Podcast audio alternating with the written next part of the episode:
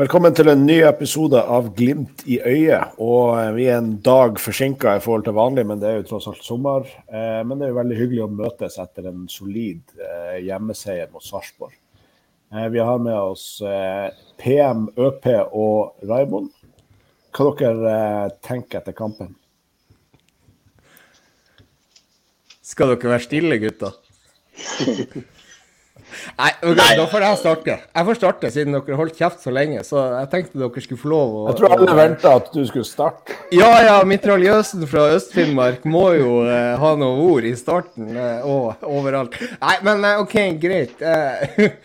vi starter 15 minutter. De første 15 minuttene var jo helt krise. Eller første 20, og så plutselig så slipper vi inn mål, da. Selvfølgelig. Seri Larsen eh, skiter seg ut etter ett minutt. Eh, og så er det jo da at vi plutselig får 1-1. Og eh, i det 21. minutt så tar vi vel litt mer over. Men det er jo Banzai-kamp i første omgang. Det er helt sinnssykt med rom og hva vi ikke får til. Så hvis vi skulle kjørt en børs etter la oss si 20 minutter, så var det ikke veldig mange som hadde klart å karre seg over en toer. Så eh, Men allikevel så spiller jo Sarpsborg den fotballen som kanskje vi tar som, som supportere og alt, vi, vi, er veldig godt fornøyd med at vi får et lag som tør å spille fotball på Aspmyra. Det er ikke så veldig mange som har gjort det. Eh, så dermed så, så, kjører de egentlig over oss de, de 20 eh, minuttene. Men så er det jo det at når Glimt eh, ja, når de tar ledelsen, så stiller jeg litt spørsmål om hvorfor de ikke legger seg litt mer bakpå. Eh, men eh, kanskje ikke de får det til. jeg er ikke helt sikker. Eh, andre omgang kjempebra. Kjempebra, kjempebra, kjempebra. Og så er det noen spillere som utmerker seg i den ene og andre retninga. Det kan vi komme litt tilbake til. Ja, ja det, var... det, er jo Vi, vi kunne ligget under 3-0 etter 12 minutter i går. Uh, så kampen i, i dag nettopp. Og, og det er bare tilfeldigheter som gjør at ikke vi ikke ligger under 3-0 egentlig før publikum nesten har, har funnet seg til ro på Aspmyra. Mm. Ja, det er jo et, et eh, Sarpsborg som spiller, spiller, kortene rett i hendene til Glimt. Det er jo nesten litt sånn eh, eh, De var jo på forhånd, sa de jo før kampen at de skulle gå ut og spille sin egen fotball, og det skal de ha. Det, det gjorde de, og de er jo et fantastisk offensivt lag. Men hvor lite hensyn de tok til Glimt defensivt, det var det var sjokkerende. Når du ser Det er vel det eneste laget som har kommet, eh, eller som spiller mot Glimt i Eliteserien og som ikke har den defensive strukturen at de legger seg fra 35 meter inn med alle mann. og Det oppsto jo masse rom. og det, det, det fikk jo konsekvenser for, for Sarpsborg. Og det var jo supert for oss. Og så tror jeg jo det her med at eh, vi fikk det målet imot etter noen og 30 sekunder. Det, det, det virka som det ble en mental påvirkning på guttene. som de, Det tok litt tid før de, de henta seg inn. og så og så skal jo Sarpsborg ha det. De gikk ut med høyt tempo, og de er et bra lag. og De, de spiller fin fotball. og Jeg satt og tenkte litt de første 15 minuttene at det, det, der var nesten som å se Glimt i 2020, som det, det Sarpsborg gjorde offensivt. Det var, mye, det var mye bra kombinasjoner og relasjoner der, også. men defensivt så var jo Sarpsborg heller gavmild. Ja, de, de, var vel egentlig det. Og det, det som du sier, de, de, gir oss rom. Og samtidig så så dekker de heller ikke, som alle de andre lagene har gjort, eh, så dekker ikke, eh, dekker ikke opp Hagen bl.a. og Saltnes. Så det gir mer rom til dem òg. For å, eh, for å strø pasninger, for å gjøre det som faktisk Da ser du faktisk at, at, Hagen også har noe på banen å gjøre i denne kampen her. Ja, i dag var jo Hagen var jo spiller en av sine bedre eliteseriekamper i dag, syns jeg. Eh, ja. Og det er sånn, han, Når han får rommet, så, så, viser han jo hva han kan gjøre med ball. Da. Så det er jo, eh, men jeg tror jo også at vi blir nok å se det fremover, at andre lag ser hva, hva Sarpsborg òg gjorde. Jeg tror kanskje han Hagen ikke blir å få så mye rom fremover. Det vil jo være et dårlig trekk. Ja, ikke sant. Men uh, Jørn, hva, hva, du, hva, hva, du, sitter igjen med i inntrykk av den kampen? her? Kjetil Knutsen sier jo også det at at den første omgangen er den verste han har sett. Og jeg er ikke helt sikker på hva han mener, for han sier jo egentlig i hvert fall første omgang. Men hva han mente om andre omgang, var det dårlig det òg? For uh, det var vel en kommentar der på at denne kampen var dårligere enn den kampen vi spiller mot Odd. Okay, tape. Jeg, jeg, det syns jo jeg er sterke ord, men eh, det er ting som tyder på at han Kjetil Knutsen har mer peiling på fotball enn meg. Ja. Eh, men, men, det jeg tar med meg fra denne kampen, er jo at eh, ja, altså Sarpsborg er jo helt klart et, et, veldig mye sterkere lag i år enn, enn de var i fjor. Eh, de var A-poeng med Glimt før denne kampen. Eh, så at det her er ikke liksom en sånn Vålerenga-seier. Eh, vi må på en måte ta til oss at, at vi fikk et godt resultat. Eh, samtidig så viste det vel, som vi allerede har snakka om, at grunn, en av grunnene til at Glimt har slitt mer i år, er at folk har lært, eller de andre lagene har lært hvordan man skal takle Glimt. Eh, og eh, og Sarpsborg møtte opp og, og prøvde noe annet. Og det, det funka ikke. Så det viser jo på en måte at hvis, hvis eh, lag møter oss eh, også i år på samme måten som de gjorde i 2020, så kommer de aller fleste til å få juling. Ja. Og det er jo egentlig litt av det som Raymond og jeg var inne også på da, i forhold til det der. Fordi at Hvis jeg hadde vært Sarpsborg-trener eller en annen trener i Eliteserien, hvis vi hadde gått opp i 1-0 etter ett minutt på Aspmyra, så hadde jeg låst av. Uh, det er jo bare sånn uh, du må tenke når du, når du uh, har muligheten til å gjøre det. Så har du kontra. Og så har du i, i Sarpsborg så har de jo han her Espen Lie Skålevik, som, var ekstremt, som er ekstremt kjapp, som de kunne brukt på kontringa. Men det gjorde de ikke. Så ja. Eh, tusen takk Men, for det. Kunne, kunne det jo Sarpsborg veldig tren, eller prega at han treneren ikke var med? At de kanskje ikke fikk tatt de, de grepene de, de ville ha tatt med han på benken? Ja, Det fikk jeg ikke helt med meg. Har, han, har han, måtte han stå over? Han var vel hjemme med noe sykdom, hvis ikke jeg misforsto her noe. Ja, ikke sant. Nei, men Det er jo et ganske godt poeng, da. Eh, så det blir jo samme som eh, kanskje når Knutsen eh, var borte mot, eh, mot Klaksvik, der hvor vi setter inn Sørli på venstrekant og, og, og så videre. Ja, De hadde vel i hvert fall én spiller ute med korona, så det kan jo hende at det var noe lignende på treneren. Det kan jo være det, ja. Jeg, jeg syns jeg har hørt noe om korona, ja. Men, men jeg, er ikke 100 sikker. Men jeg, jeg syns jeg fikk det med meg i forbifarta, ja. Nei, Ikke sant. Yes, og så er det jo da eh, Hvis vi tar en sånn kjapp oppsummering Vi trenger ikke å ta alle spillerne her, men uh, hvis vi tar uh, de som utmerka seg i første omgang litt altså, hva man skal si. Jeg syns ikke Espejord gjør en god kamp. Jeg skjønner heller ikke hvorfor han starter. Jo, jeg skjønner det fordi at jeg forstår det at Boniface ikke eh, klarer to kamper på 90 minutter i, i uka. Eh, det, men Espejord er jo en toer i dag. En bra Segway. Vi kan gjerne ta en runde på eh, Espejord versus Boniface. Det har vi fått et spørsmål på Glimt-forum fra Ole Tobias Torrisen om. Absolutt. Takk for spørsmålet, Ole Tobias. Ja, uh, der er det vel egentlig Sånn som jeg skrev på Twitter etter den kampen på Glimt i øyet sin konto, så, så, var det jo det at vi vi så vel mer av Boniface de første minuttet, første minuttet han spilte, enn vi hadde sett av Espejord siden april. Det er kanskje litt å ta i, men det var det i hvert fall i forhold til hva han har gjort i denne kampen her. For han var ikke delaktig i det hele tatt. Og jeg forstår eh, også at eh, spørsmålet stilles. Eh, hva dere andre tenker om det?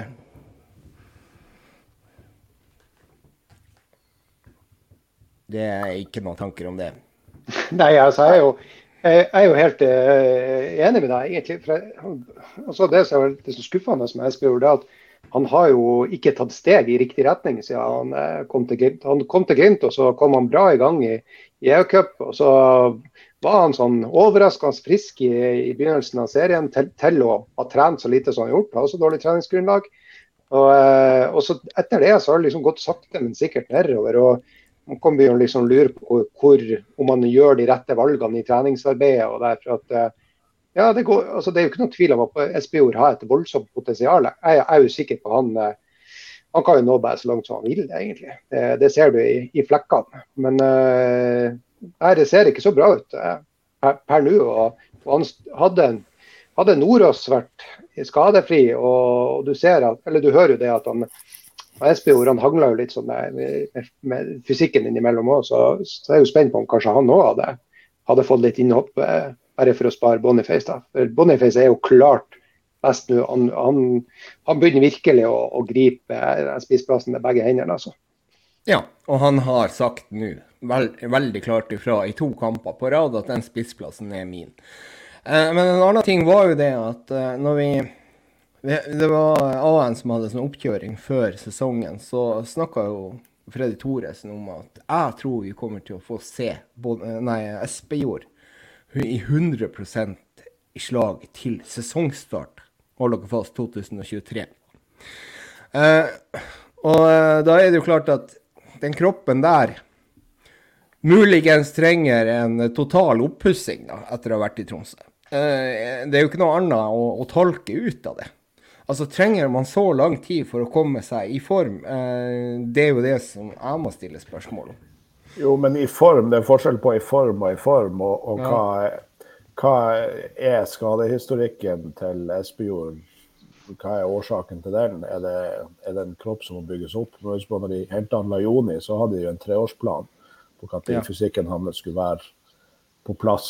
Eh, og Glimt-fotballen er jo veldig intensiv og krever noe annet enn noen andre spillestiler, så, så, det kan jo være noe der. Men det er jo rart at, uh, at Espejord starta så mye som han gjør. og det er jo tydelig at Knutsen liker det han ser på treningsfeltet, eller liker i hvert fall holdninga hans, eller liker et eller annet han bringer til bordet. For det er jo ingen tvil om, og det skal vi kanskje komme tilbake til senere, at han, er, han mangler ikke nådeløshet eh, når det gjelder å, eh, å fjerne spillere som man ikke syns bidrar til, eh, til laget. Øystein? Ja, bare et poeng der med, med Espejord og, eh, og fysikken. Eh, Knutsen sier jo også at eh, Helst Amundsen har trengt et halvt år på å bygge seg opp igjen etter at han var i TIL. Så da kan man jo lure på hvordan er egentlig treningsarbeidet og treningshverdagen i TIL når de bryter ned et ungt talent i stedet for å bygge det opp. Det er jo et veldig klart svar. Ja. Jeg er litt sånn spent på, uh, på det her med hvorfor Bonnie altså, Jeg har jo følt lenge at det ligger noe bak det at Boniface ikke starta mer enn hva han gjør. At det går litt sånn på og Nå spekulerer jeg bare, det her har jeg ingen info på, men at det går litt på holdninger eller sånne type ting. Jeg merka meg etter etter var det kampen mot Klaksvik eller hva det var, og, og uh, der var det intervju med Saltnes, og han sier liksom at ja, nå lærer kanskje Boniface å skåre de enkle målene òg litt sånn eh, for han, litt stikk til at han, han, skal bare gjøre det spektakulære. Og så blir han også Solbakken intervjua. Han, han sier det at ja, det, det, noe sånt som at hvis, det, Boniface er interessert i å ta den harde jobben som trengs for å bli god, så kan han bli så god som han vil. Så det er litt sånn, Jeg føler litt stikk mot Boniface på en god måte, men at det ligger noe mellom linjene der. At han kanskje ikke har, ikke har vært så seriøs som Eh, som skulle ha vært hele veien. Og Det vet vi også at han, at han kom ikke fitt tilbake fra juleferie. Så det, det ligger kanskje noe i, i bunnen der som han og det er klart Hvis han Knutsen gir han den startplassen for tidlig, så kanskje han ikke får bukt med de, med de holdningene på den måten han ønsker. Mm. Det er jo eh, Ja, det er godt poeng. Eh, men altså eh, det, det, det, har jo vært også litt sånn på, på, i på Espejord at han har ikke helt klart å følge med på det, altså det som skal gjøres utenom trening. Og, eh, og, da er det jo klart at, at hvis ikke det gjøres, eh, Runar, så, så, blir det veldig vanskelig å, å kapre en spissplass, uansett startplass i Glimt. Og eh, det får vi jo egentlig bare se på om det kanskje endrer seg etter hvert. Eh, så, eh, så, der er det jo Ja. Men uansett, per nå så er det jo Det ser jo alle. Boniface skal eh, er den beste spissen til Bodø-Glimt. Og eh, bør spille de kampene som er viktigst. Og Så får vi, eh, får vi se hva, hva, tida bringer. Og så får Knutsen jobbe med å holde Boniface litt nede og holde han på tå hev eh, eh, fremover. Øystein? Ja. Ja, jeg fikk sagt det jeg skulle si, men uh, jeg kan jo si noe annet enn det jeg hadde tenkt å få fingeren. Uh, om Boniface. Jeg syns jo uh, det, den store forskjellen på meg mellom Boniface og Espejord-kampen i går mot Sarpsborg, er du ser hvordan Boniface involverer seg i det oppbyggende spillet. Mens Runar bare er kuk i ræv på stopperen på bakerste stopp hele tida. Ja. Og du ser at det bidrar jo å spille fri vingene en del. Um, og vi stopper han for å løpe etter, skaper det rom for, for Ulrik også å støpe inn i det, det rommet som, som stopper etterlater. Mm. Og så er det jo det at Boniface eh, også har, virker å ha et veldig godt samarbeid med Muka. Det har vi sett i flere situasjoner der hvor det har vært eh, mål. Eh, og eh, nå var det Muka som la opp til Boniface, eh, på, og vinnere i, i eh, den Eller hva han vinner, vel? Er det en dårlig touch av uh, Sarpsborg sin stopper, eller er det Dere som har sett kampen i dag, Raymond, har sett på nytt? Eh, på den, eh, den han bryter, han Muka? Ja, ja. ja, det er jo et horribelt forsøk på en pasning. Altså, kan tenke ja. her. Ja, ja. Men uansett så er Muka oppe der, vinner den og slår den til Boniface. Boniface setter den i kassa. og, og det der er egentlig helt fantastisk. Og det har vi jo sett i andre situasjoner også, bl.a. det målet mot Troms 1-1.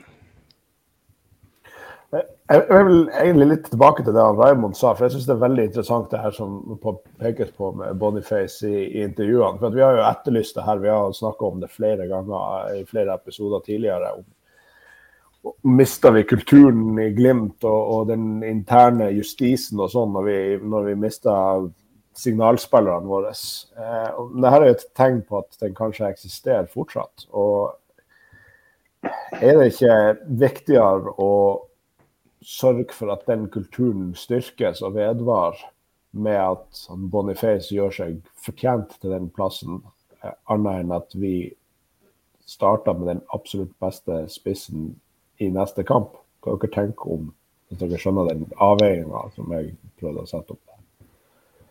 Det er som en kulturbærer, da. Ja, altså hvis, Du nevnte jo det. Hvis han Boniface får sjansen for tidlig uten å på en måte gjøre den jobben som gjør at han han fortjener den eh, plassen, selv om han kanskje helt isolert sett er i bedre form enn Espejord foran neste kamp. Mm. Så kan det sende feil signal og, og sørge for at Altså, hvis Boniface blir så god som han kan bli, så, så, er jo det både en serievinner for oss og et salg som, eh, som sikrer bankkontoen like godt som europaspill. Men eh, så skal vi play the long game og, og, og sørge for at uh, han tar signalene litt etter litt, eller uh, hva tenker dere? Skal vi, den som til enhver tid er best, alltid starte? Jeg tenkte at det blir litt sånn make him earn it. Det er det du tenker? Ja. Er, altså, det her er jo ren spekulasjon. Jeg har ingen innsideinfo. Men bare ut ifra det du peker på som ble sagt av både Saltnes og Solbakken, så er det jo nærliggende å tro at det er noe sånt som foregår. Ja, absolutt. Det er jo det. Jeg ser det i dagens kamp at uh, det er veldig positiv uh, kroppsspråk på, på Boniface. Du ser da han går i press. Han går mye mer i press nå enn han gjorde tidligere. Og Det som er positivt, er at han gjør litt sånn som Saltnes gjør. Han begynner å se mot uh, særlig venstrevingen når han går i press, og begynner å vinke opp venstrevingen og, og stresse liksom, medspillerne. Må dere komme må dere på tærne, dere òg. Mm. og I tillegg så syns jeg det er verdt å nevne at på denne her uka så setter man på første touch, som en spiss, klassespiss skal gjøre. Eh, han, eh, Boniface for eh, noen måneder siden han hadde dratt to skuddfinter og prøvd å legge han i krysset der i stedet. Så det, ja, det, er, noe, det, er, det er, noe, på gang der. Nei, mm. det er akkurat det. Ja. Nei, men, så han er på rett vei. Og det, og det, er jo også referert til den Ulrik-kommentaren, at han har også skåret de lette målene. Og det var jo mot, eh, mot eh, Klaksvik. Eh, at han skårte to lette mål, var ikke det? Sånn, jo. Mm. Ikke sant? Ja. Eh, en annen, en annen som har fått uh, mye oppmerksomhet uh, etter, uh, etter, kampen, eller etter innhoppet sitt, er jo en som hun, Gunn Inger Huva har spurt om på Glimt-forum. Han Amundsen. Bør han få mer spilletid? Ja, uten tvil. Jeg, jeg, jeg vil gjerne starte der, altså. ja, ja, gjør det. Ja, for, for, her er en ting jeg ikke skjønner. Når jeg, Seri Larsen eh, den er ikke rett straffa, det er greit. Men eh, altså det, i forrige kamp mot Odd. Men han slipper den ballen forbi. og liksom, Han har kanskje ikke vært så god som eh, Man sitter kanskje og venter på, de, for han er positiv, men når skal du bli så, så god som vi tror du skal bli? Han har ennå god tid på seg, det er ikke det. Men ut ifra hva han leverer på fotballbanen, og så kommer han inn Amundsen og leverer det han leverer i dag. Altså, luk, min, på min børs lukta han på en nier. Altså, jeg, jeg, så kampen igjen i dag, prøver å se hva liksom, hvordan feil gjorde han, eller hva han ikke gjorde optimalt. Han tapte én hodeduell og, det, og ei heading som ikke gikk til eh, medspiller. Ellers så var det konstant positive bidrag. Eh, helt outstanding kamp. Jeg vil si den beste prestasjonen midtstopper i Glimt har gjort i Eliteserien i år. Så da, Det jeg lurer på da, er han bare så sinnssykt bedre, mye bedre på, i kamp enn på trening? Eller så tenker jeg jo at hvorfor ser ikke Knutsen det her på det? Altså, for det der har jeg vært litt, eh, tenkt litt på det siste døgnet. at eh, Det er mye vi snakker om som går litt på disposisjonene til Knutsen. Hvor, hvorfor er han Amundsen med det han viser? Hvorfor er han bak Seri Larsen i køen? Ja, Eh, jækla godt eh, analysert der, Raymond. For akkurat de samme tankene har jo jeg hatt. Derfor det jeg syns det var jækla godt analysert. Eh, altså, jeg har jo vært så heldig at jeg så eh, så Amundsen allerede når han gikk i barnehagen. Nei, det gjorde jeg ikke. Jeg skal... Sammen med Pellegrino? Ja, sammen med Pellegrino. De, de var jo Pellegrino litt eldre da, i den barnehagen her. Men uh, uansett. Så men jeg så han i treningskampen mot Strømsgodset. Og nei, det var Lillestrøm. Eh, I LSK-hallen. Det herrens år 2020. Jeg tror det var det. Eh, kan det stemme, det? At vi slo Lillestrøm sånn ca. 4-1 eller noe sånt i en treningskamp i 2020 på, på, på våren der, før det ble koronastengt. Jo, det var det. Og og da var det sånn at Amundsen han spiller en kanonkamp som stopper. Han gjør den jobben som egentlig Lode gjorde i fjor. Han tar ballen med seg og eh, forserer ledd, som vi så nå. Han eh, går på corner, skårer et vakkert mål rett opp i vinkelen. Eh, siden det var en treningskamp, så kan jeg si at det var i vinkelen, for det er ingen som husker det her. Men det var en heading på en corner. Uh, han viser jo ekstreme ferdigheter, og vi var helt enige om, vi som sto og så den kampen Bjørn Einar var faktisk en av dem. Jeg tror Jakob uh, uh, Jakob Kill, nei, Klingan som sto ved siden av og ser den kampen der. Og vi er alle enige om at Isak Amundsen var den beste spilleren med nummer seks på ryggen det året der. Så går han til utlån til Tromsø og uh, spiller en trebackslinje, og folk mente jo det at det kanskje ikke var det beste for han. Og uh, samtidig så kommer jo da Jørn inn med den informasjonen ikke sant, at kanskje Tromsø har et dårligere treningsopplegg enn Bodø-Glimt, som gjør at spillerne blir dårligere trent. Uh, kommer ja. tilbake igjen til Glimt. Jeg skal bare gjøre ferdig den her. Og så og så får han ikke starte. Vi, vi hører det. ikke sant? Jørn kommer med den informasjonen igjen, at han må ha en opptreningsperiode fra han kommer fra Tromsø.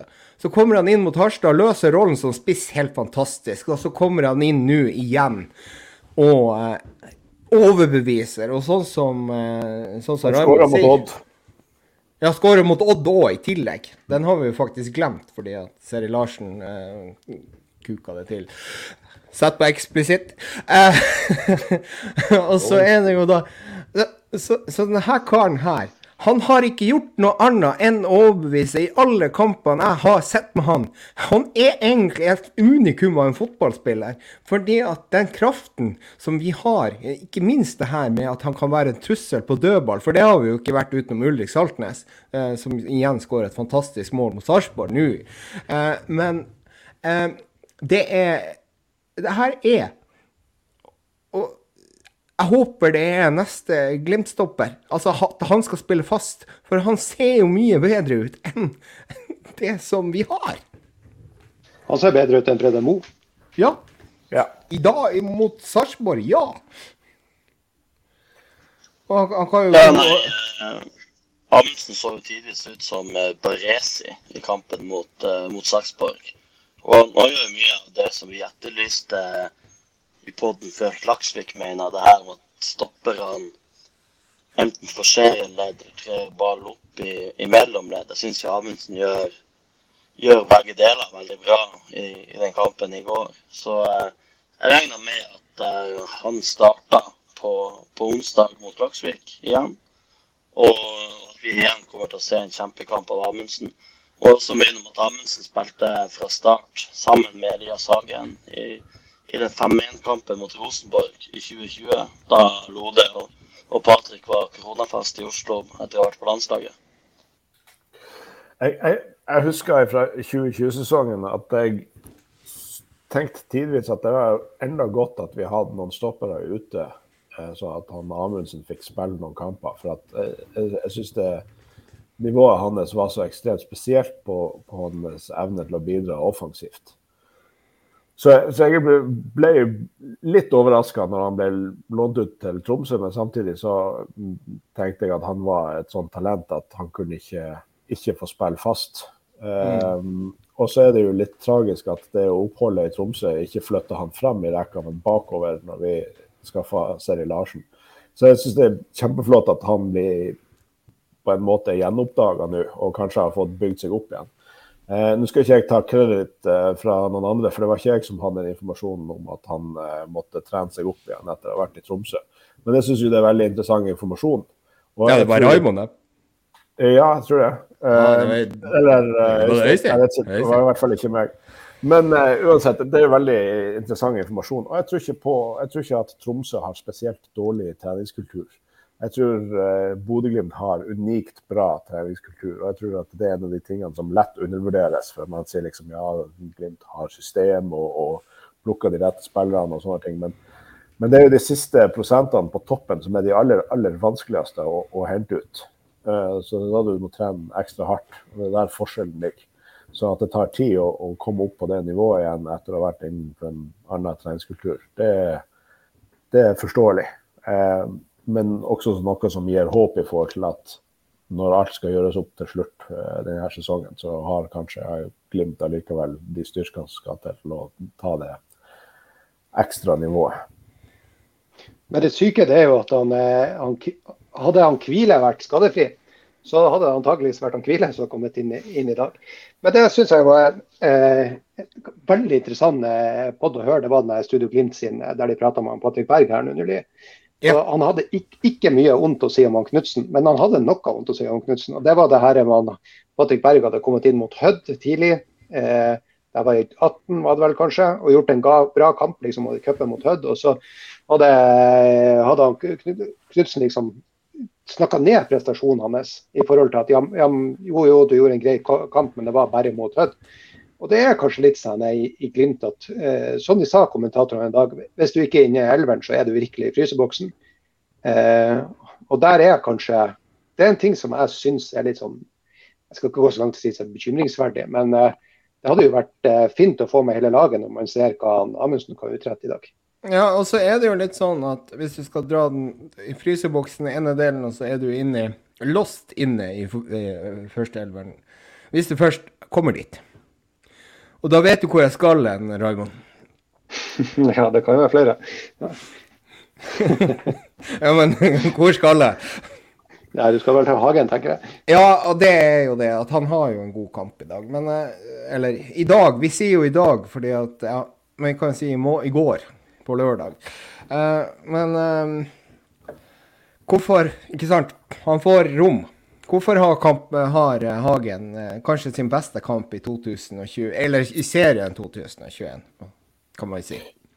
Kanskje for at det er en stopper som er så offensiv og kommer og, bringer, og bidrar til overtall? Kanskje det. Kanskje det er fordi at han ikke ble markert. Eller? Hva dere ja, altså, tenker Hagen, Hagen får jo skinn i dag, syns jeg. For han blir ja. jo ikke markert. Nei. Og det, det samme jo, ser du på Ulrik, og som får også litt rom. Og egentlig Han spiller jo Ulrik er jo involvert i alle tre målene våre. Uh, og, uh, og, da er det jo det at, uh, at det blir ganske godt med rom, og det, det har vi savna. Savna kjempemye. Og da er det jo liksom sånn at Ja, får vi se det her en gang igjen, at et norsk eliteserielag tør å spille sitt eget spill mot Bodø-Glimt? Var det her siste gang vi så det? Jeg vet ikke. Viking har jo møtt oss eh, to ganger i år med sitt eget spill, eller ja. spill og spill. Det minner jo om barslagsmål, men ja. Eh, men utover det, så jeg vet ikke. Det blir vel mye 5-3-2 på, på Myra fremover, dessverre. Det tror jeg. Ja, det, det gjør vel det. Og, og det, det det er, det er, vel egentlig der som var nøkkelen til at Hagen gjør en god kamp. Og det er derfor jeg egentlig er litt sånn tilbake igjen til at hva skjer neste gang vi møter T52? Det er vel ikke så lenge til. Det blir HamKam på, på Briskeby. Eh, eller eventuelt Klaksvik borte, da. Men, eh, men da er det liksom sånn Når du har ikke prestert i så mange kamper. Nå er jeg liksom tilbake igjen til det der som du sier, fryseboks og sånne ting. Eh, så er det Så, har han litt sånn, litt sånn der eh, tro på, på, på, han På akkurat Altså på, eh, på eh, Elias Hagen. På samme måte som Kåre Ingebrigtsen hadde tro på han Thomas Rønning, var det han het. Uh. Jo, stemmer. Ja. Og da var det liksom irritasjon der på det. Det samme var vel med Emil Jonassen på venstrebekken, ikke sant, og litt sånne ting. Og, eh, og, og ser Knutsen noe som ikke vi klarer å se? Klarer han å se et utviklingspotensial i Elias som er helt enormt? Eh, jeg klarer jo jeg, jeg, jeg, tenker jo liksom altså, Der er en på Glimt-forum. Hvem var det som mente at uh, man ønsker å ha uh, uh, Anders Konradsen sentralt? Ronny André Andersen ja. mente det. Og, jeg, jeg, er jo liksom tilbøyelig til å, til å si meg enig. Jeg, jeg, jeg tente jo helmaks på ideen til Iver Steinsvik, der hvor vi skulle gjøre det omvendt. da, og Sette Vetlesen på sentral midtbane og, og den biten der. Eh, hva du tenker om det, Raymond? For det, ikke, det, var ikke du med og diskuterte sist. Eh, syns du at det er en god idé? Syns du Anders Konradsen eller Vetti er den beste? erstatteren der, hvis man skulle få brutt opp det her? Nei, det, og, og tilbake til den podkasten med Patrick Berge. Dere må jo ja. kanskje invitere han hit òg. Men eh, han sa jo at den spilleren som ligna mest på han i Glimt i forhold til å, kan liksom det, det, her med gjenvinning, det var Hugo Vetlesen. Ja. Så det, det, det, gir jo noen sånne gode assosiasjoner til Og det er jo sant, det. Han er jo veldig lik. og Han er rapp med beina. og Han tror jeg kunne ha løst den, den rollen bra. Og jeg husker jo det at når han kom fra Stabæk, så hadde ikke jeg sett han så mye, jeg tenkte han det der må jo være en defensiv midtbanespiller. Så mm. ja, ser ikke bort fra den. Men det skal jo sies at, at uh, Konradsen og, uh, og Vetti tror jeg jo ikke har vært frisk. Ikke i nærheten av matchfit, og det tror jeg er litt av casen der. Og du ser jo hvor, uh, hvor, hvor tett Glimt holder kortene til brystet når det gjelder skader. For at sånn som Pellegrino, det var jo det ble jo klart for omverdenen bare to timer før kamp at, at han var skada. Ja, og Mo. Og Mo. Ja. Vi har også fått spørsmål om det her på, på Glimt-forum fra Rikard Enoksen. Altså, hva er, er noen som vet hva som er status på Gaute Vetti? Hvorfor får han ikke spille mer? Er han småskada? Ja, det må nå det, da. Uh, der må det vel hva, vet Min spådom er at han starta mot Klaksvik. Uh, tror jeg. Uh, kom, kom inn nå på slutten mot uh, Sarpsborg. Og Knutsen har sagt han skal rullere mer på, på spillerne for å Og det, det, er en kamp vi starta med 3-0 i bagasjen fra forrige kamp. Uh, så det, det, kan være en fin spiller å, å ha, å ha på, på banen for å få testa han litt ut i, fra start i en hel kamp. Han var jo veldig god når han spilte mot Lillestrøm i cupen. Eh, men jeg tror han har vært skada. Men eh, det er som sagt, de har kortene tett til, til brystet i Glimt. Ja, altså det som jeg tenker, det er jo det at uh, sant, Vetti var jo en skadeplaga spiller når han spilte i Sarpsborg. Han var Det var mye utfordringer med, med diverse. Samtidig så, så, tror jeg jo det at Sarpsborg har et litt lavere nivå på, på trening. Eh, og eh, som sagt, høyere nivå i Glimt, som vi har nevnt tidligere. Samme utfordring som, eh, i år. Det tar litt tid å bygge kropp, det tar litt tid å bygge muskulatur, det tar litt tid å bygge, bygge fotballspiller. det er min teori når han ikke får den sjansen. Eh, og dermed så, så, så, kan det jo ta tid for at han kommer til å spille for oss. Og kanskje Glimt sin tanke var det at han skulle erstatte Elias Hagen når han eventuelt skulle bli solgt. Men det tror jeg ikke han blir. Jeg vet ikke. Men det er bare en liten sånn tanke som, som slår meg nå, da. Ja, det er jo veldig rart at uh, Betty, sånn han ble jo veldig fremsnakka av Fotball-Norge når han kom til Glimt. og Det var jo folk som spilte med han i, i Sarpsborg som sa liksom at her har dere en som kan bli Eliteseriens beste spiller hvis han bare får orden på kroppen sin. og Det var veldig mye positive signaler der. Så At han da liksom skal ha snakka med Knutsen, og Knutsen sier at vi planlegger å bruke deg om to år når vi selger Hagen, det syns jeg høres litt rart ut. Jeg tror han kom til Glimt for å ta opp plassen, eller ta opp kampen om plassen. Ja, og det sa han jo sjøl også i et intervju, da, at han ønsker å eh, konkurrere på den på den sentrale midtbaneplassen. Så vi kan jo hoppe det, ikke sant. Altså, Nå hadde vi et innhopp her nå på ett minutt. Eh, og eh, jeg ønsker, ønsker, av hele mitt hjerte at vi får, får se eh, vettig fra start mot Klaksvik, som Øystein sier. Så eh, ja, det hadde vært eh, men selv om vi ikke sitter på noe informasjon på det i det hele tatt, for at Glimt holder kortene så tett mot brystet, så er det jo nærliggende å tro at han, at han ikke er helt 100% eller at det at han har vært eh, skadeplaga i fortida, kanskje fortsatt preger han litt. Grann.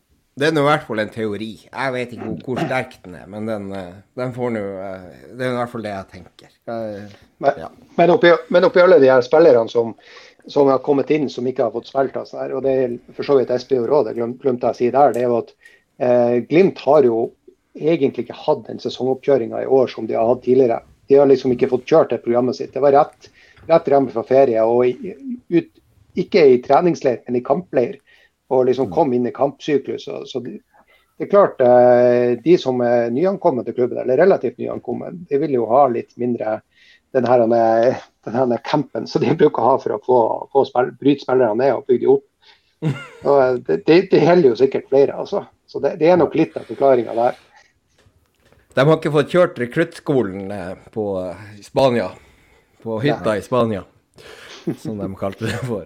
Uh, nei, men det, det, er jo faktisk også et veldig godt innspill der. Så, men uh, uh, det, det, skal jo sies, da bare sånn kort der Knutsen har klokketro på Elias Hagen. Det vet vi.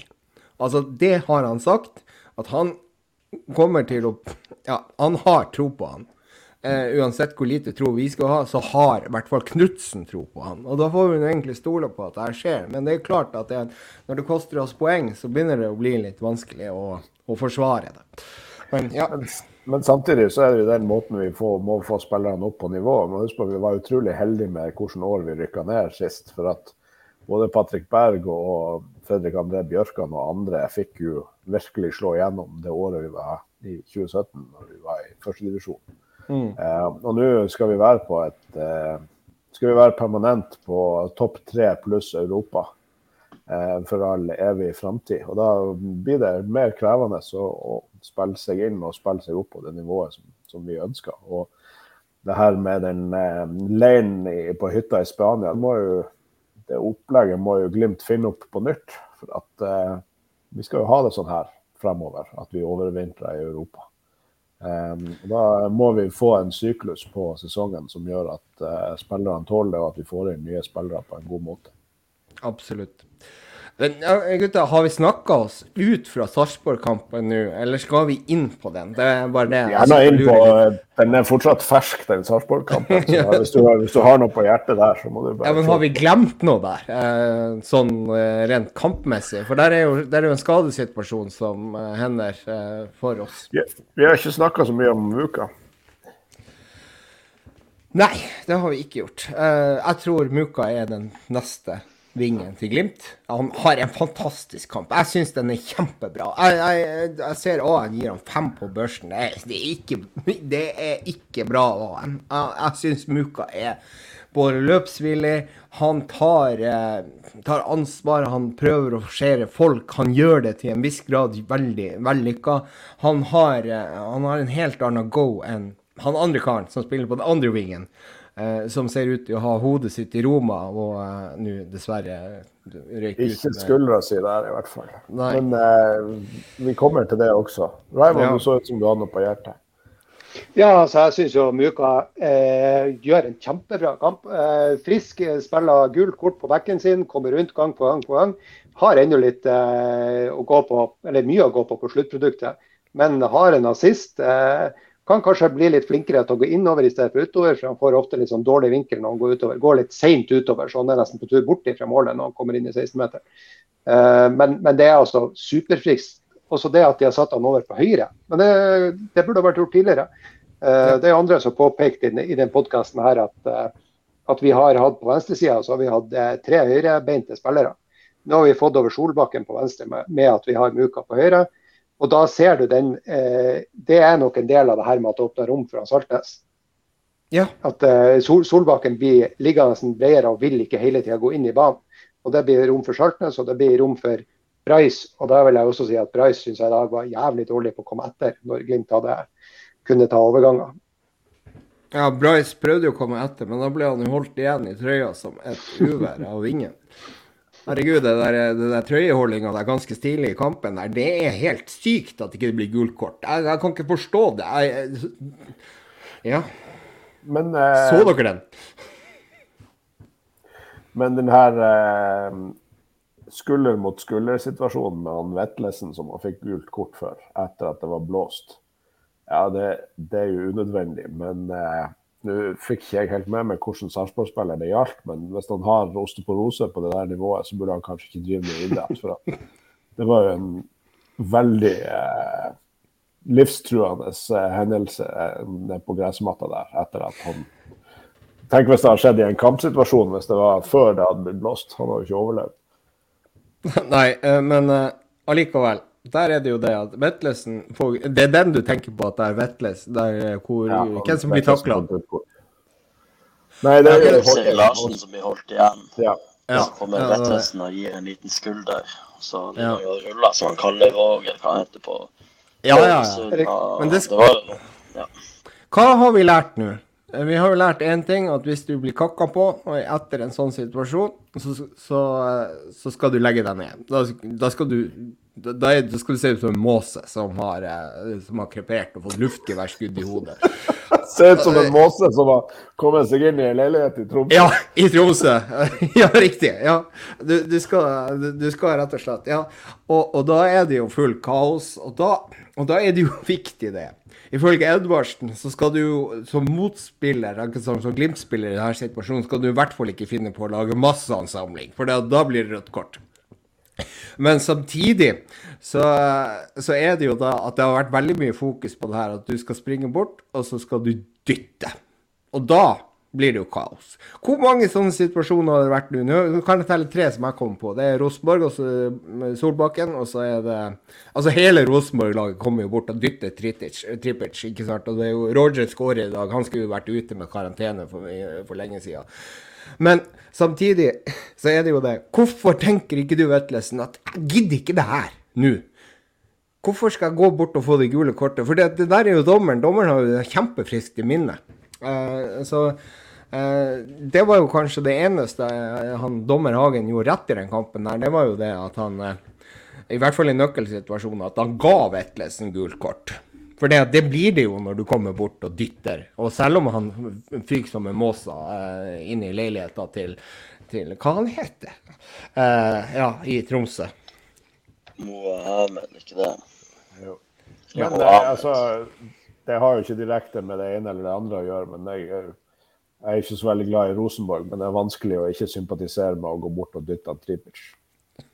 Nei, det, altså, jeg hadde jo håpa at de hadde dytta litt hardere, men uh, sånn er det nå bare. Uh, ja, det der, der syns jeg, eh, der syns jeg altså Faen heller. Eh, hvis, ja. hvis, noen skal ha lov til å ha en, en verbal reaksjon sånn umiddelbart, ikke sant? det godtar dommerne. Hvis du sier faen i helvete med en gang det skjer, eh, så, så, godtar de det. Hvis, det. hvis det her skjer hvis, hvis en lagkompis blir overfalt, og du står to meter unna og du går og gir en skubb for å få ham unna Jeg syns faktisk Hvis ikke du er stygg eller slår eller tar kvelertak, altså, la det gå så lenge så det er innafor en sånn ja, altså innenfor en kort reaksjon der. da. For at Ofte så vil du jo bare ha den spilleren bort ifra, ifra lagkompisen for at du, du, føler på en måte, Reaksjonen din er at han har blitt angrepet, du vil ha han unna. liksom. Uh, og Jeg syns de er litt for snare i, i, det gule kortet der ofte. Altså, det, ja, det, det, det, er de selvfølgelig, men det har jo skapt en del uh, medieoppslag i forhold til de her byttene og det her opplegget rett etter situasjoner der hvor en spiller har vært ufin og takla som en gris. Og, og, og, og da, da, da, bør Vetlesen, i hvert fall i denne situasjonen, tenke seg to ganger om at jeg går ikke bort. Jeg kan si 'reis til helvete, din satans', ok, sant, et eller annet. Og så, og så får det være med det. Men det ser du jo der, når Samsted hvem er han står over, som ble takla? Det, var vel i den situasjonen der. Samsted ja. står jo over ham. Og du ser det var en annen Sarpsborg-spiller som konstant står og dytter han Samsted bort. Ja. Ikke så hardt, ikke så mye kraft, men han står konstant og dytter. Han gjør det i løpet av et halvt minutt. Dytter han sikkert fem ganger. Eh, så da burde jo han òg ha gult kort. Skal jo bare Saltnes Nei, uh, unnskyld, Samstedt. Han, han, skal jo bare hive seg ned, han òg, da. Men det er jo sånn, hvis, du, hvis, hvis, du, hvis, du, konsekvent gir gult kort på det, sånn som dommerne nå gjør, så inviterer du også til skuespillet. Det er internt gult kort i Samsted som ikke hiver seg ned uh, herifra. det er faktisk Jeg, må si jeg syns det er litt deilig at, at de ikke aksepterer uh, at de, at de liksom sier, sier ifra på en måte også. Ja. Det der kan du drite i. Sånn som Ola på Kallevåg og, og, og Hugo nå. Det skal ikke helt sånn at vi skal ha sånn som i ishockey, eh, enforcere som kun skal gå inn på banen for å slåss når, når laget ditt sliter og liksom hiver hiv hansken ifra seg og ta seg en to minutter i, i, i kjøleboksen. Men uh, Nei, det, er det, det, det vi har support. Du kan, ikke, kan liksom ikke bare du, det, det, er ikke fritt frem å gjøre hva faen du vil mot oss, liksom. Det syns jeg er bra også. Nei, det, er bare, ja, jeg det, det. det er bare innenfor god supporterkultur at vi skal ha en forcere, ikke på fotballbanen. Men jeg tenker, sånn, eh, da tenker jeg jo ikke på denne situasjonen. Altså, Enig, Samsted, Solbakken, de, de, greier gule kort. Men jeg tenker jo kanskje på det med Henriksen. Der er, han, der er han ganske i samme sekund oppe i situasjonen. Så, eh, at, at, det kanskje kunne vært eh, Ikke hadde trengt å bli rødt. Så ja, jeg er litt her. Men eh, gutta, eh, dere sa Kallevåg. Han er òg ving. Er det noe som dere kunne tenkt dere i Glimt? Bare, bare sånn kjapt. Bare kjapt. Eller er han for helt, for helt i hodet sitt? Jeg, ja, jeg vet at Glimt har jo vært på ham før. Uh, han var vel uh, istedenfor Hvem var det vi henta inn da?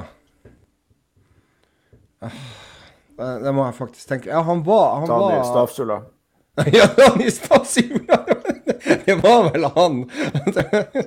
Men uh, hvem var det han Jeg tror det var Nei, det var egentlig noe fet fikk. Uh, jeg tror det var noe Ja, vi skulle ha han på midtbanen. Det var sånn det var. Nei, jeg tror ikke det. Eh, OK, greit.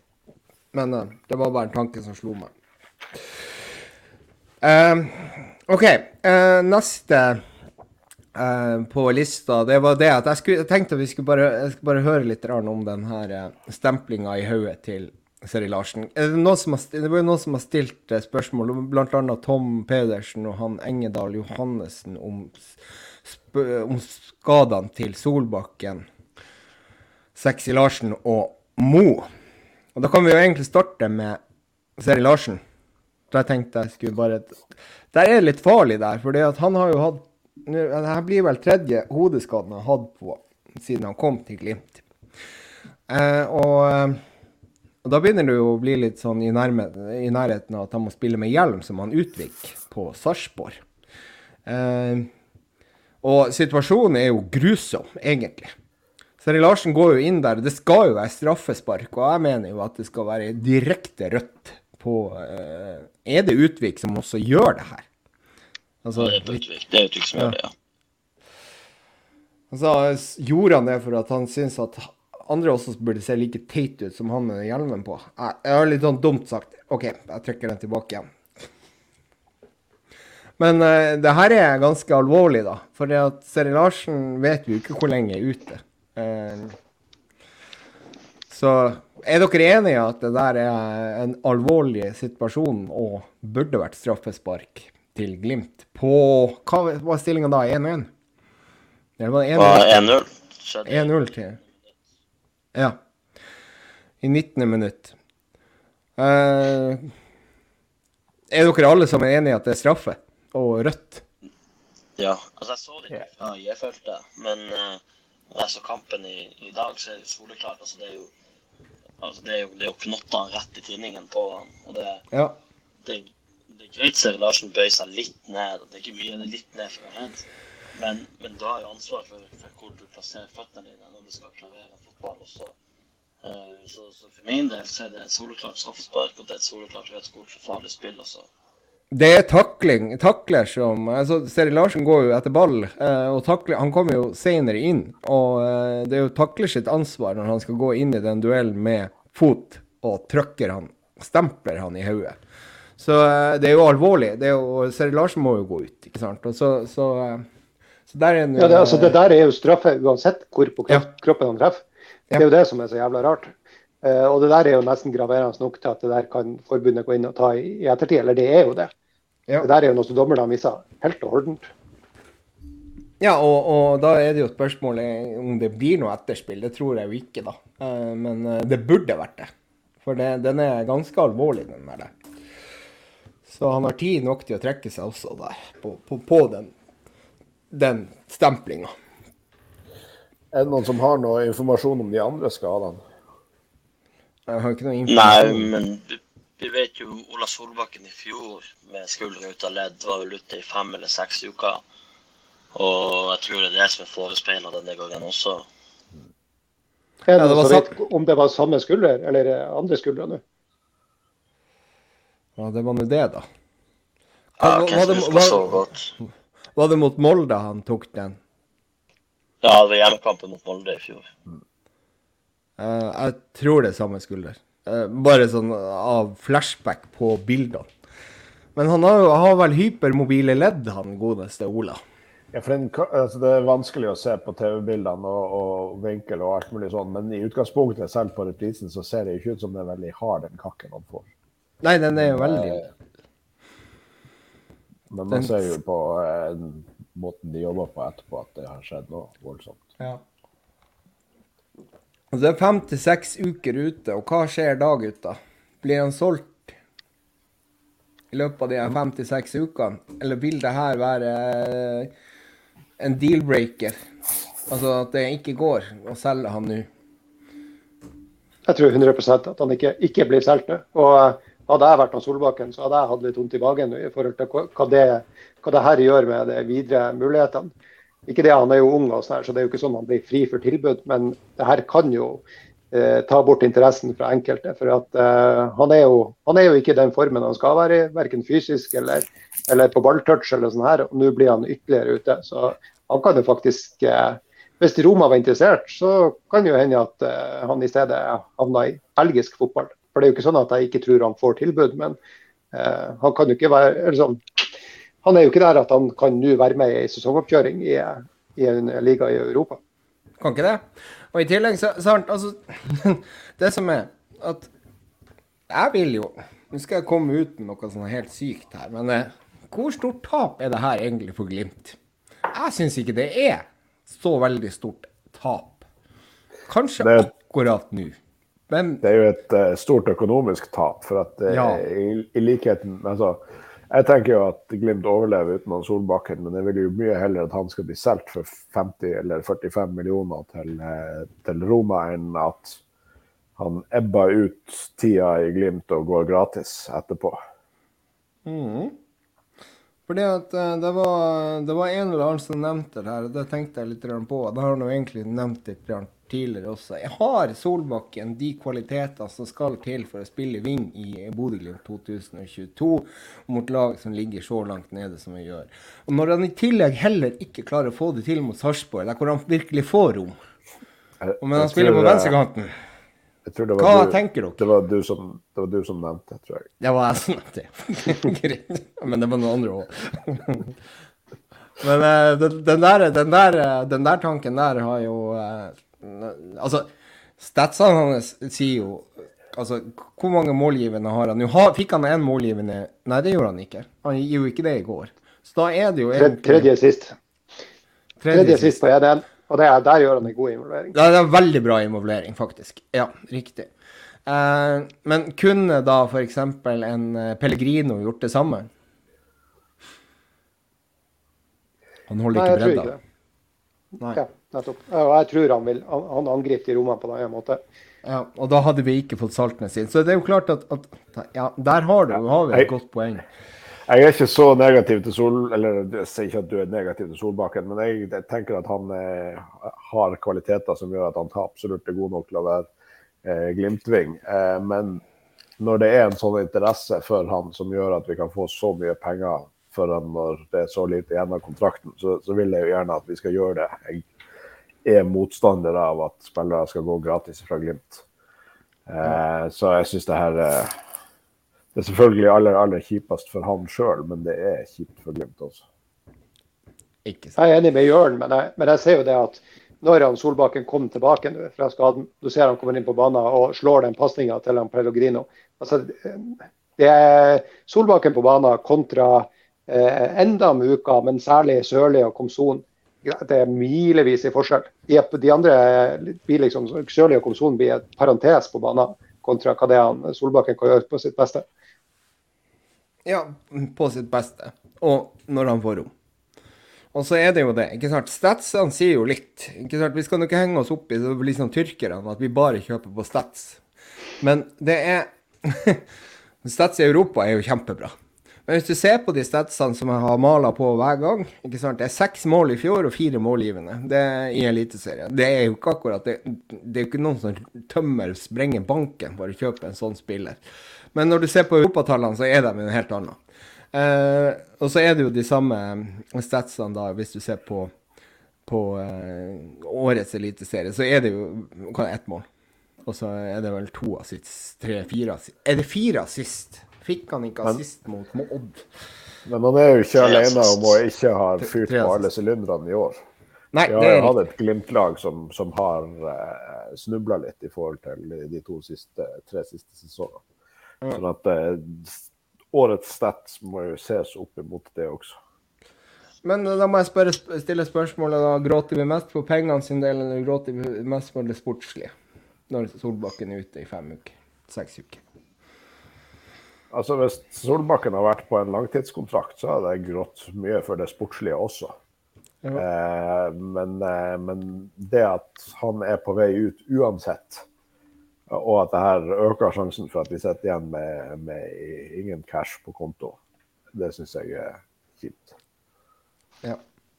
Men det er jo sånn, jeg tror, vi, jeg tror vi klarer oss fint uten Solbakken. Særlig Muka tror jeg er på gang. Tror, jeg tror vi klarer oss uten Solbakken i, i Eliteserien. Men når det begynner å dra seg litt til i Europacup, da kan Solbakken være gull verd. Riktig. Og så er det jo da når, når, vi ser Saltnes da får såpass mye rom, så er det jo da nærliggende å, å, tenke det at ja, Hvordan skal vi gjøre det her fremover? Pelle, Pelle kommer tilbake igjen. Altså det som er, Du kan jo bare ta kjapt på det. Eh, Mo og, og, Pellegrino er avtalt at de ikke spille, skulle, skulle spille mot Sarpsborg. De skulle ikke spille mot, uh, skal ikke spille mot Klaksvik for å hvile seg nå. De har hatt litt eh, smårusk. Eh, det er ikke noe alvorlig på dem. men det er, det er litt sånn slitasje. Og guttene er jo Pellegrino er jo begynt å komme opp i en alder der hvor han begynner å ta meg igjen. men samtidig leverer han på en god måte. og Mo trenger litt restitusjon på sin kropp etter, etter Ja, som han normalt sett gjør. Så eh, det skal være avtalt spill, og så får vi se om det er avtalt spill eller ikke. At han er med tilbake igjen, f.eks. mot HamKam på Briskeby eh, på neste søndag. Nei, lørdag. Lørdag, faktisk. Men da var det tilbake igjen til Pelle, da. For det at vi ser hvor mye vi får når bingen, eh, venstrevingen begynner å gå utover, og at eh, rommet til Saltnes blir der, og at du også eventuelt klarer å putte inn Bris eller en eventuelt ny venstreback inn i det rommet. Sånn at du får tre spillere der istedenfor at de skal gå i beina på hverandre, sånn som Pellegrino gjør der, hvor han stjeler rommet fra egentlig både den venstrebekken og Saltnes. Altså, det er ikke noe problem at, at Pelle trekker en smart isolert sett. Problemet er at det ikke kommer noen rundt han på utsida, sånn at vi har breddepunkt. Ja, og da er uh, da, da, da, da, blir det ufarlig for, for motstander å komprimere. Og så, og så, har man drept rommet sentralt. Og, Og da når vi først får spillvendinga inn sentralt, så er det ingen til å stikke gjennom ute bredt mellom, mellom stopper og sideback, hvor det ofte er rom ledig. Uh, så Jens Petter syns jeg var veldig flink på det, og nevnte vel uh, bortekampen mot Odd i 2020. Ser du hvordan uh, ballen gang på gang blir tredd opp imellom i det rommet. Og Jens Petter angriper ballen fra, fra bredt i banen og når da kommer ned inn mot hjørnet, inn mot kanten av 16, så er det enten å slå inn rett på tvers eller ut 540. Uh, jeg ser litt av det når Vuka kommer inn borte mot Molde i år. Ligger mye bredere enn en Pellegrino. Vi får gjort en del spinnvendinger hvor vi da etter hvert trer han igjennom i det rommet. Uh, men uh, hvis Pelle stikker inn, så må jo Bris komme rundt, da. Sånn at vi har den breddeholdet. Mm. Absolutt. Ja, men det, det, er jo akkurat det som er at, at La oss si at vi kjøper en venstreback som har venstre fot. Eh, da har vi jo løst den. Radikal tanke. Ja, radikal. det er radikal. Og da har jo også Bris vært i den podkasten til 433. Det er, det er, det jeg har fått med meg. Jeg har ikke fått hørt den helt ferdig, eller ikke i det hele tatt. Jeg har bare fått referater av den. Uh, og, og, det blir det at, uh, Bris mener sjøl at han er ti ganger bedre på høyrebekken. Og da kommer jo tankerekka mi. Kan det være det at vi selger Samsted i dette vinduet her? Hvis vi kjøper inn en ny venstreback. Er jeg stein gæren nå? Nei, altså for igjen, altså Ja, Samsted har vært en, en, unsung hero. Og kanskje vært en av de mest stabile eh, og konsekvent bra spillerne til, til Glimt i løpet av de tre siste årene. Men så er det, han er, han er en eh, internasjonal eh, back med lang internasjonal erfaring på, på A-landslaget til Island. Og så, så det å bare la han gå gratis etter sesongen, mener vi feil. Så hvis han får inn en venstrefot av venstreback, kan flytte Bris over på høyre, og det kommer et anstendig bud på en samsted, så syns jeg kanskje det er at det, det er greit for, for Glimt og den filosofien vi har uh, med at man kjøper ungt og på en måte selger etablert, at, at vi selger samsteder fordi at ja, det er kanskje feil å si at det er hans tur til å få lov til å gå. Men, men det er kanskje litt sånn, sånn, det er også når man er i den situasjonen man er med. Med tanke på lengde på kontrakter og hvem som er villig til å fornye og ikke. Mm. Og I tillegg så har du jo Sexy Larsen, som kan være backup på høyreback. Det har du. Og jeg Men, er på en måte sympatisk til den eh, tankegangen. Og, og ja, det er helt greit hvis de får en bra sum fra Samsted og, og la han gå videre. Samtidig så Han er jo en un, unsung hero. Og det, han er kanskje såpass unsung at vi får ikke de villeste summene for han. Så det er mye mer, jeg er mye mer komfortabel med at han går gratis, og så går vi glipp av 8 millioner eller 12 mm. millioner, enn at vi går glipp av 45 millioner for Solbakken. Det, det er noe med det òg. Litt sånne interessante eh, ting. Eh, dere, dere har kanskje også lagt merke til at han Samsted han har vært der. Han har kanskje hatt sin dårligste periode i Glimt i de siste kampene. Eh, han har vært litt så ustabil, gjort en del feil. Eh, så litt i forbindelse, Nå, spoler jeg litt tilbake til Elias Hagen, da, men bare for å sette det her i kontekst. Så eh, jeg har hørt at Glimt har veldig gode tall på Elias Hagen. At det er derfor han spiller. Og litt sånn, Jeg vet ikke om det stemmer, og det er litt sånn hearsay. Og, og så jeg tok kontakt med noen som faktisk jobber som fotballtrener.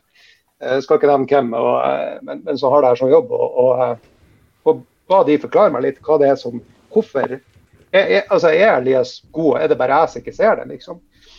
Eh, og han sa nei, det, han så det her på akkurat samme måte som vi kritiske supportere gjorde. Og han sa at det var én ting som kanskje ikke hadde blitt snakka så mye om. Det var at, eh, at eh, backlinja var ikke så god som den har vært nå. Og han sier det er mye pga. Patrick Berg. Han stoppa enormt mye. Og det som gjør når Elias Hagen ikke følger de her løpene så godt, og da er det kanskje særlig mellom back og stopper, og, de her som indreløperne ikke, ikke klarer å fange opp, da, når han ikke følger løpene, så må altså Forsvaret de må sideforskyve mer. Som igjen gjør at, at kommer eh, at de får flere spillere i boks å forholde seg til, og ikke klarer å dekke opp. Og Det ser du jo da på det her eh, skåringa mot Odd, 1-0-målet var det det? Når, mm. når Hagen slipper det løpet. Så du ser du jo at hele forsvarsrekka skyver over. Og Samsted er kommet altfor langt over når Jeftovic kommer, kommer, i rommet der. Uh, så det er liksom, Vi skal huske på det når at uh, backlinja ikke har vært så bra som den kan være. Og det gjelder egentlig samtlige backlinjer. Mm. Ja, ikke sant. Men da har du et todelt problem, da. At Elias ikke klarer å ta de løpene. Og ikke er den, sweep, den sveiperen som Patrick var. Er ikke vi enige om det, da? Når du sier det du sier. Jo, og, eh, og, så kan jeg jo legge til det, det positive han sa om ja. Eh, Elias ja. Hagen. Det er jo at han er jo, en, han er jo en veldig god playmaker. Men sånn som uh, i den rollen han er i Glimt, så, så får han ikke den tida, til, tida og rommet til å gjøre det han er god på. Nei, fordi at han er dekket opp hele tida, eller passa på hele tiden? Ja, ja og så er litt, altså han får ikke tid til å orientere seg og slå de, de ballene som han er veldig god på å slå. Mm. Eh, tror du, altså hvis, når, når, du sier det her, er det, er det liksom sånn at i min verden hadde Elias vært en bedre indreløper enn hva han er sentral midtbane i Glimt? Ja, så nå sporer vi litt av, men, men Ja, det, at, det, gjør vi hver gang. Så. ja, men jeg har hele tida tenkt at hvis, eh, hvis han eh, Saltnes hadde blitt solgt i morgen, så ville jeg hatt han, eh, Elias Hagen inn på hans plass med en gang. Jeg syns de er kjempelike, bortsett fra hodestyrka i, i felt.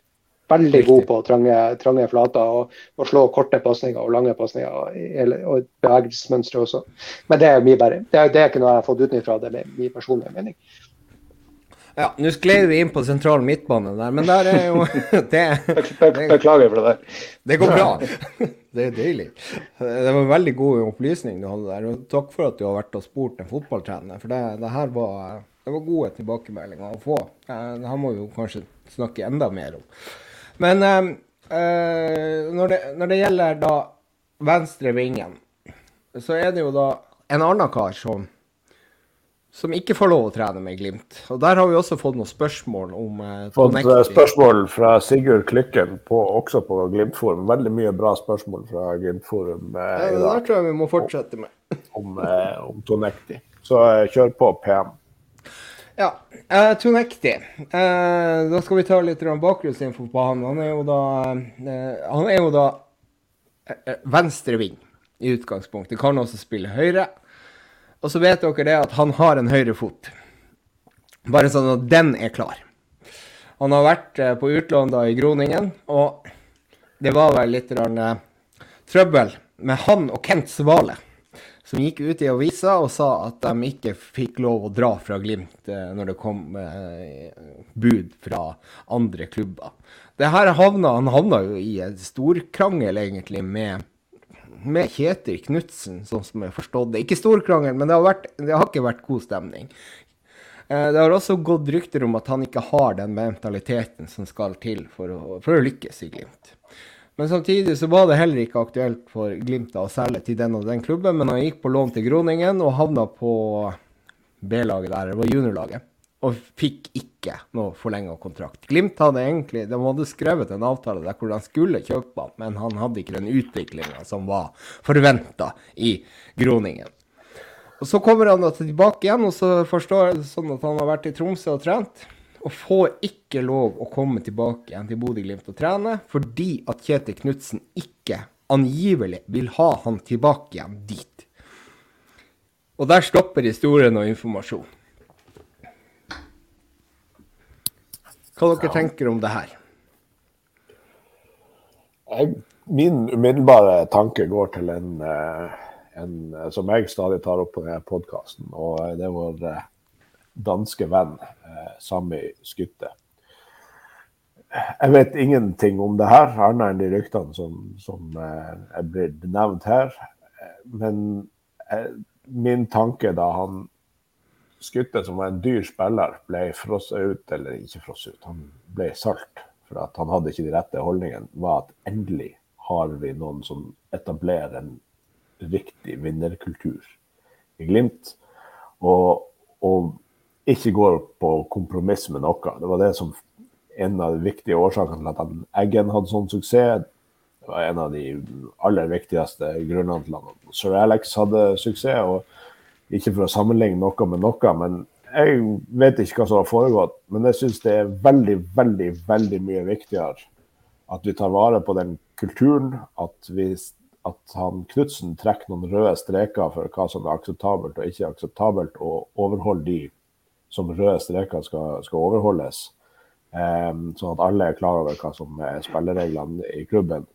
Det er mye viktigere enn enkeltspillere som vi, og talenter som vi kanskje går glipp av, eller pengesummer eller noe sånt. For det, det, kan aldri være en enkeltspiller som er mer verd enn det, den kollektive vinnerkulturen og eh, utviklingskulturen eh, og prestasjonskulturen som, som vi vil ha i Glimt.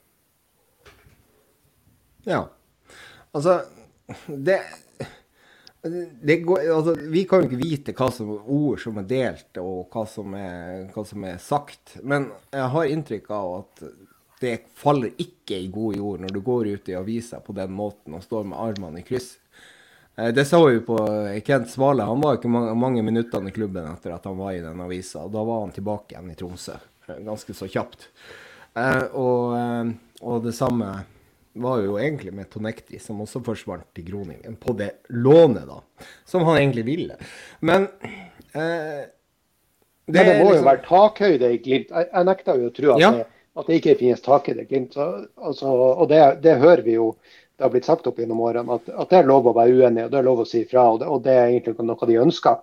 Eh, så jeg tenker jo at hvis det her er de spekulasjonene vi har nå, for det, det, er jo mye spekulasjoner her og lite fakta. Ja. Eh, hvis, det, hvis, det, stemmer det vi tenker, så, så, må det jo være ganske graverende det som har skjedd. da. Når, når at, for sånn som jeg skjønte, så per nå så sitter Tonekti han sitter, sitter, i Tromsø og, og, trener vel kanskje med Tromsdalen. Altså det er sånn, Nå har Glimt to to Junkeren-spillere på trening. Ikke sant? Det er liksom akseptabelt. Ja. og Det er, det er gode, gode, spillere òg, så det er ikke, ikke noe vondt om de. Men, uh, men Tonekti vil de altså ikke ha på feltet. Uh, og uh, det, det, er jo enormt spesielt. Det, det må jo nesten ha altså det, hva, hva, har skjedd, liksom? Ja, og, og altså, det, ja. ja. altså det blir, det blir kun, kun rykter og spekulasjoner, men uh, de, i hvert fall, altså Sebastian har hørt rykter om, ble, ble, fort veldig sånn eh, verdensmester. Og hadde sånn verdensmesternykker. Og var, var liksom allerede for god for Glimt i det sekundet han, han landa i Bodø. Og hadde ikke fokus eller interesse for å, for å legge ned det arbeidet som må til for å nyttiggjøre seg det potensialet han har. Og nå prøvde jeg å lete etter en Twitter-tråd for noen dager siden. Jeg fant den ikke nå. Og der, og der så skriver Frank Amundsen eh, at han, sportsdirektøren i Groningen har sagt at Sebastian har ikke klart å bevise for oss at han er, eh, gjør arbeidet som må til for å nyttiggjøre seg det store potensialet han har. Og, og da, da, er det sånn hvis, hvis, du, hvis, du, kun bidrar med negativ energi inn i en prestasjonsgruppe, så skjønner jeg til syvende og slutt at hvis du ikke gjør, hvis du ikke endrer det og klarer å bidra positivt, så er det kanskje like greit at du ikke er med. Men som sagt, det blir kun, kun spekulasjoner og ingenting jeg skal si er sant. Det er bare ting som jeg plukker opp på, på, Twitter og i de her uh, avisartiklene som var før jeg gikk til Groningen. Mm. Og det, ja, tror jeg, absolutt.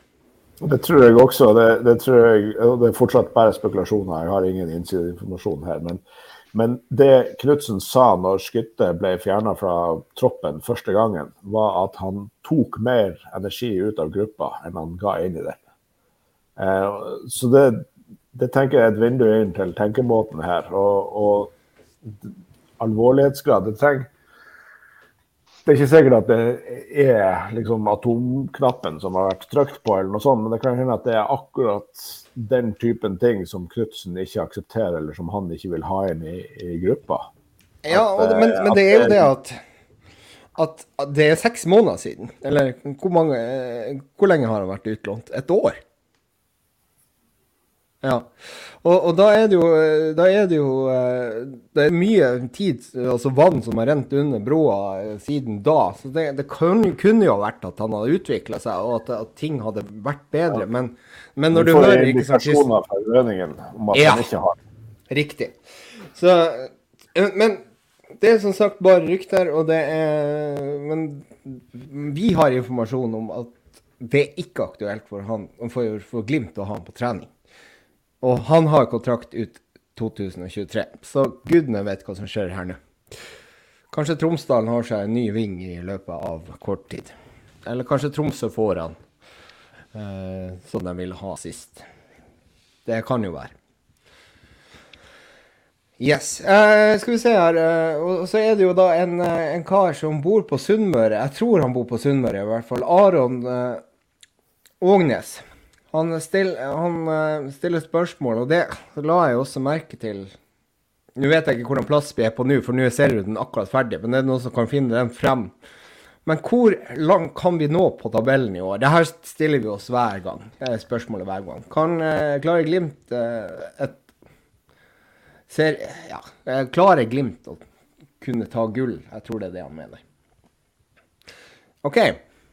Lillestrøm. Ja, altså, vi har, vi har en kamp mindre spilt og ligger eh, åtte poeng bak. Ja. Nå mister vi helt lyd hos deg.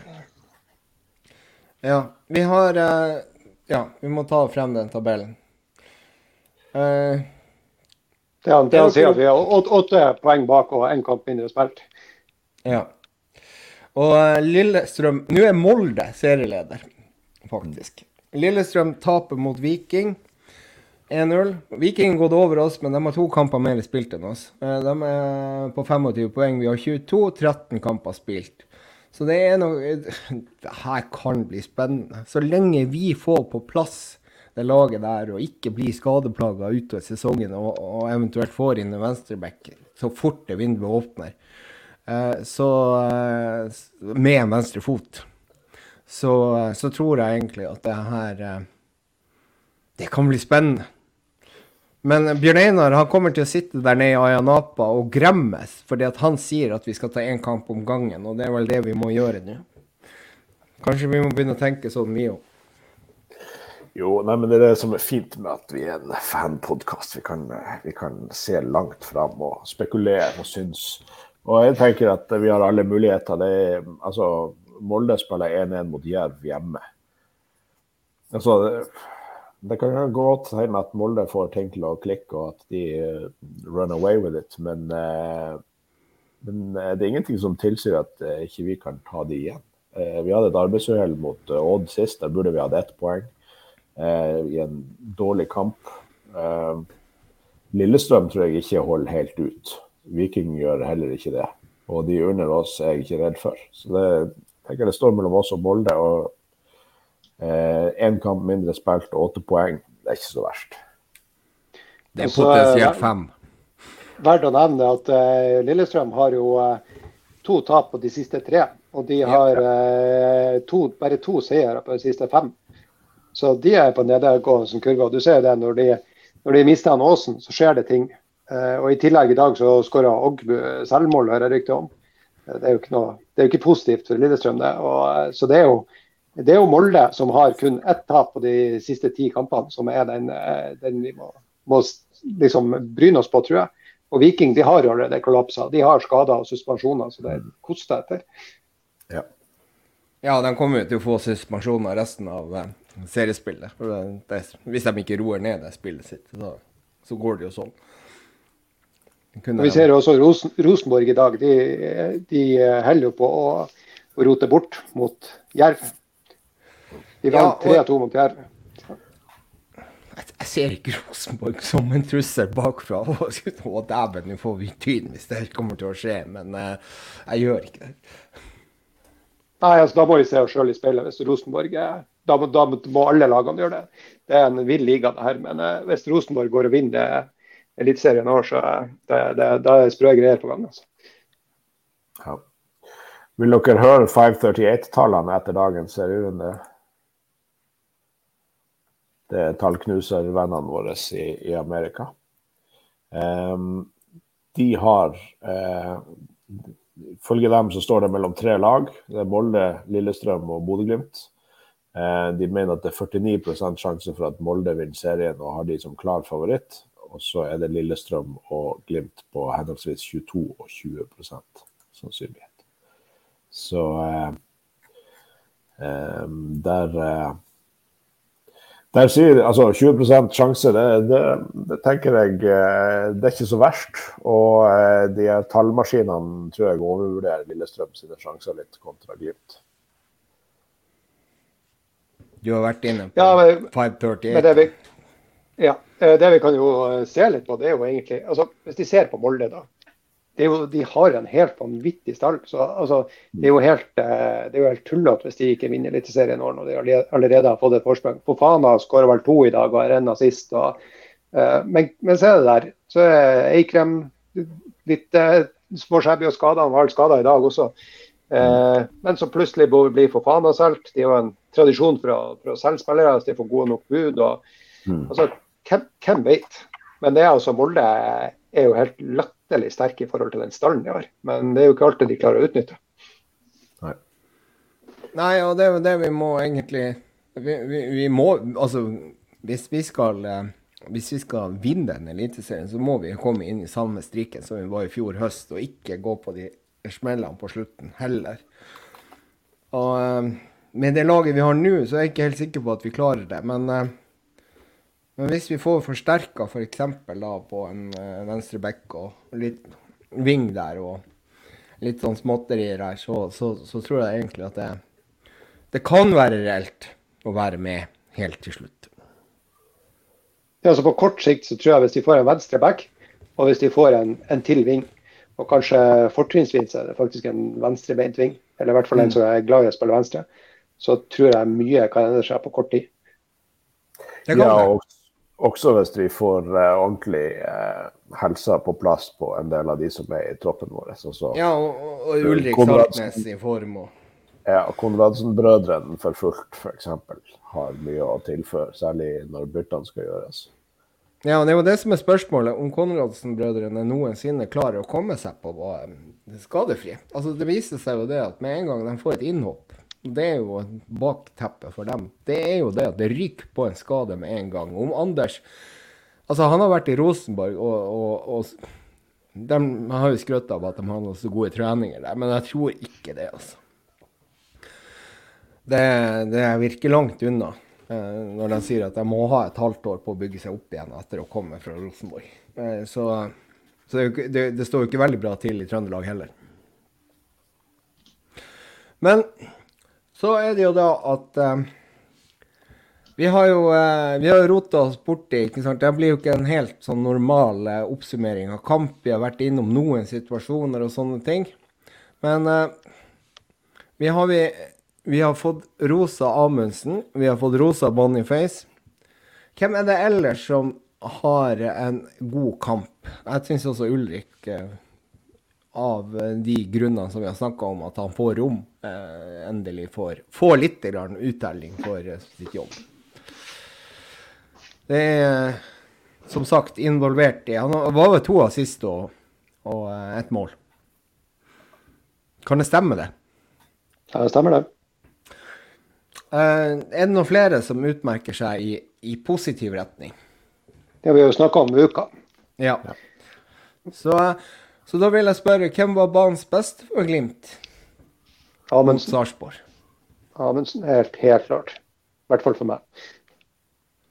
Enig. Ja, Amundsen. Soleklart. Da skal jeg, Siden dere sier Amundsen, og så mener jeg jo egentlig Amundsen, så, så skal jeg si Boniface. da, fordi jeg syns det er så deilig å komme inn og så bare klikker det, og så, og så blir det mål. Og det er det viktigste i fotball, det er å skåre mål. Så jeg kan gi den til Boniface bare for å, bare for å bryte litt opp i det her, det her opplegget.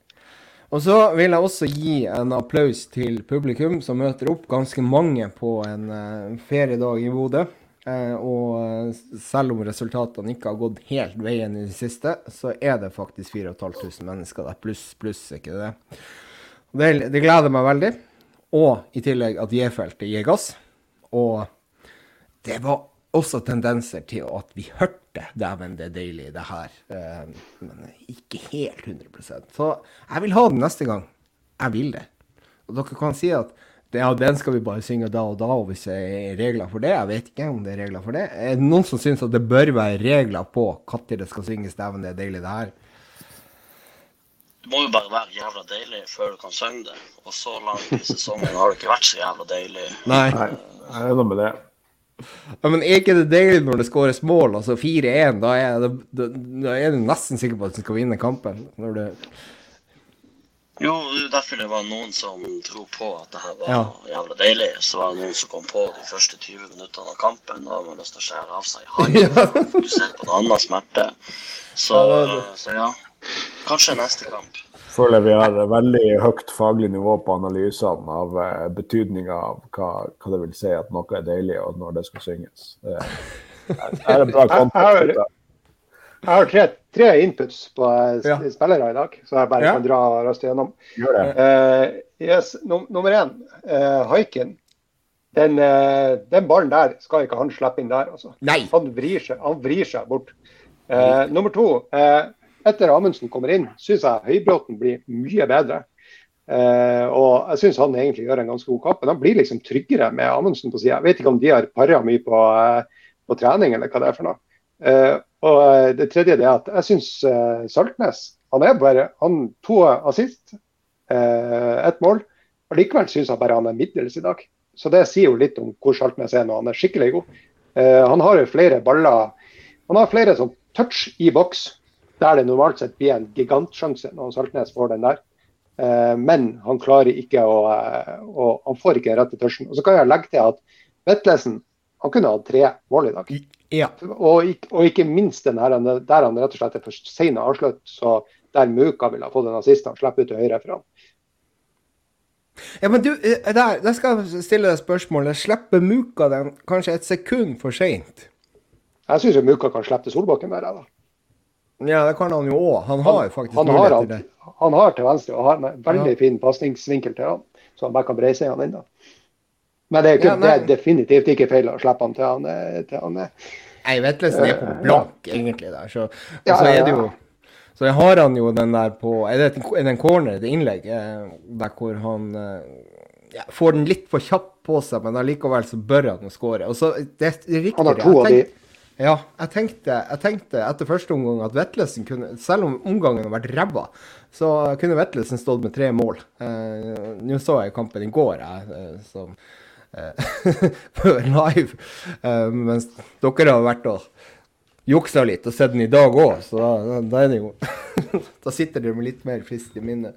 Men det er akkurat sånn du sier det, eh, Raymond. Saltnes han er fortsatt ikke 100 og det, er, det har det vært i alle de kampene. Vi har jo sittet og oppsummert de kampene her. Og Saltnes har vært nesten på mål veldig mange ganger. Og han er fortsatt ikke 100% Men det her er et steg opp i forhold til når du tenker på statistikk. Og så det, det er et lite hakk som skal til. Eh, og eh, dæven, jeg gleder meg til Saltnes er i full eh, spiker. Da, da er det ingen som kan stoppe oss, altså. Det er ikke det. Ja, det sier jo litt om hvor god, hvor god Saltnes er. Når han har eh, to assist, ett mål, og, og så er han kanskje på eh, 80% Ja, og da er det jo da for de som spiller Fantasy, som eh, både jeg og Øystein har glemt sikkert helt totalt av, eh, det er sette inn Ulrik Saltnes nå. Gjøre det. Det er, ikke, det er ikke dumt. Jeg tror de også gjorde det i Synseligaen, hvis jeg, hvis jeg hørte rett på forrige episode. At eh, det er en, en god variant der. Eh, ja, men da, da har jeg egentlig ikke så veldig mye mer på den lista. Det var Nei, ganske jeg- mye. Jeg har sett over spørsmålene også. Vi har svart på en god del uh, lyttespørsmål også. Og det var morsomt at det kom inn så mange som fortsetter med det. Eh, Ja. Men med mindre det er noen som brenner inne med noe veldig solid, så, eh, så kan jo du, PM, gi en shout-out til morgendagens podkast. Ja, i morgen så skal vi ha en spesialpod.